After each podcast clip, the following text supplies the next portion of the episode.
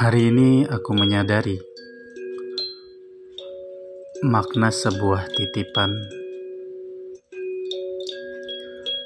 Seringkali aku berkata ketika orang memuji milikku bahwa sesungguhnya ini hanya titipan, bahwa mobilku hanya titipannya, bahwa rumahku hanya titipannya bahwa hartaku hanya titipannya, bahwa putraku hanya titipannya. Hmm, tetapi mengapa aku tak pernah bertanya? Mengapa dia menitipkan padaku? Untuk apa dia menitipkan ini padaku? Dan kalau bukan milikku, apa yang harus kulakukan untuk miliknya ini? Adakah aku memiliki hak atas sesuatu yang bukan milikku? Mengapa hatiku justru terasa berat ketika titipan diminta kembali olehnya? Ketika diminta kembali, kusebut itu sebagai musibah. Kusebut itu sebagai ujian. Kusebut itu sebagai petaka.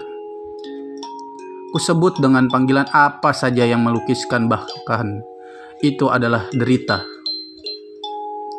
Ketika aku berdoa, ku minta titipan yang cocok dengan hawa nafsuku.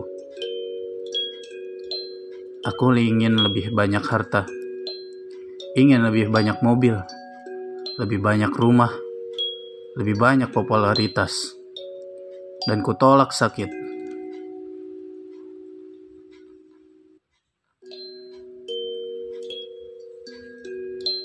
Kutolak kemiskinan, seolah derita adalah hukuman bagiku. Seolah keadilan dan kasihnya harus berjalan seperti matematika. Aku rajin ibadah, maka selayaknya derita menjauh dariku, dan nikmat dunia kerap menghampiriku. Keperlakukan dia seolah mitra dagang, dan bukan kekasih. Ku minta dia membalas perlakuan baikku dan menolak keputusannya yang tak sesuai keinginanku. Gusti,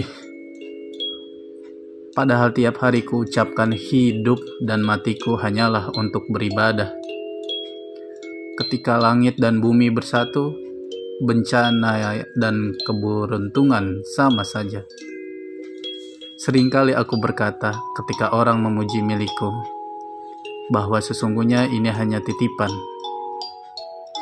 Ya, mungkin ini hanya titipan.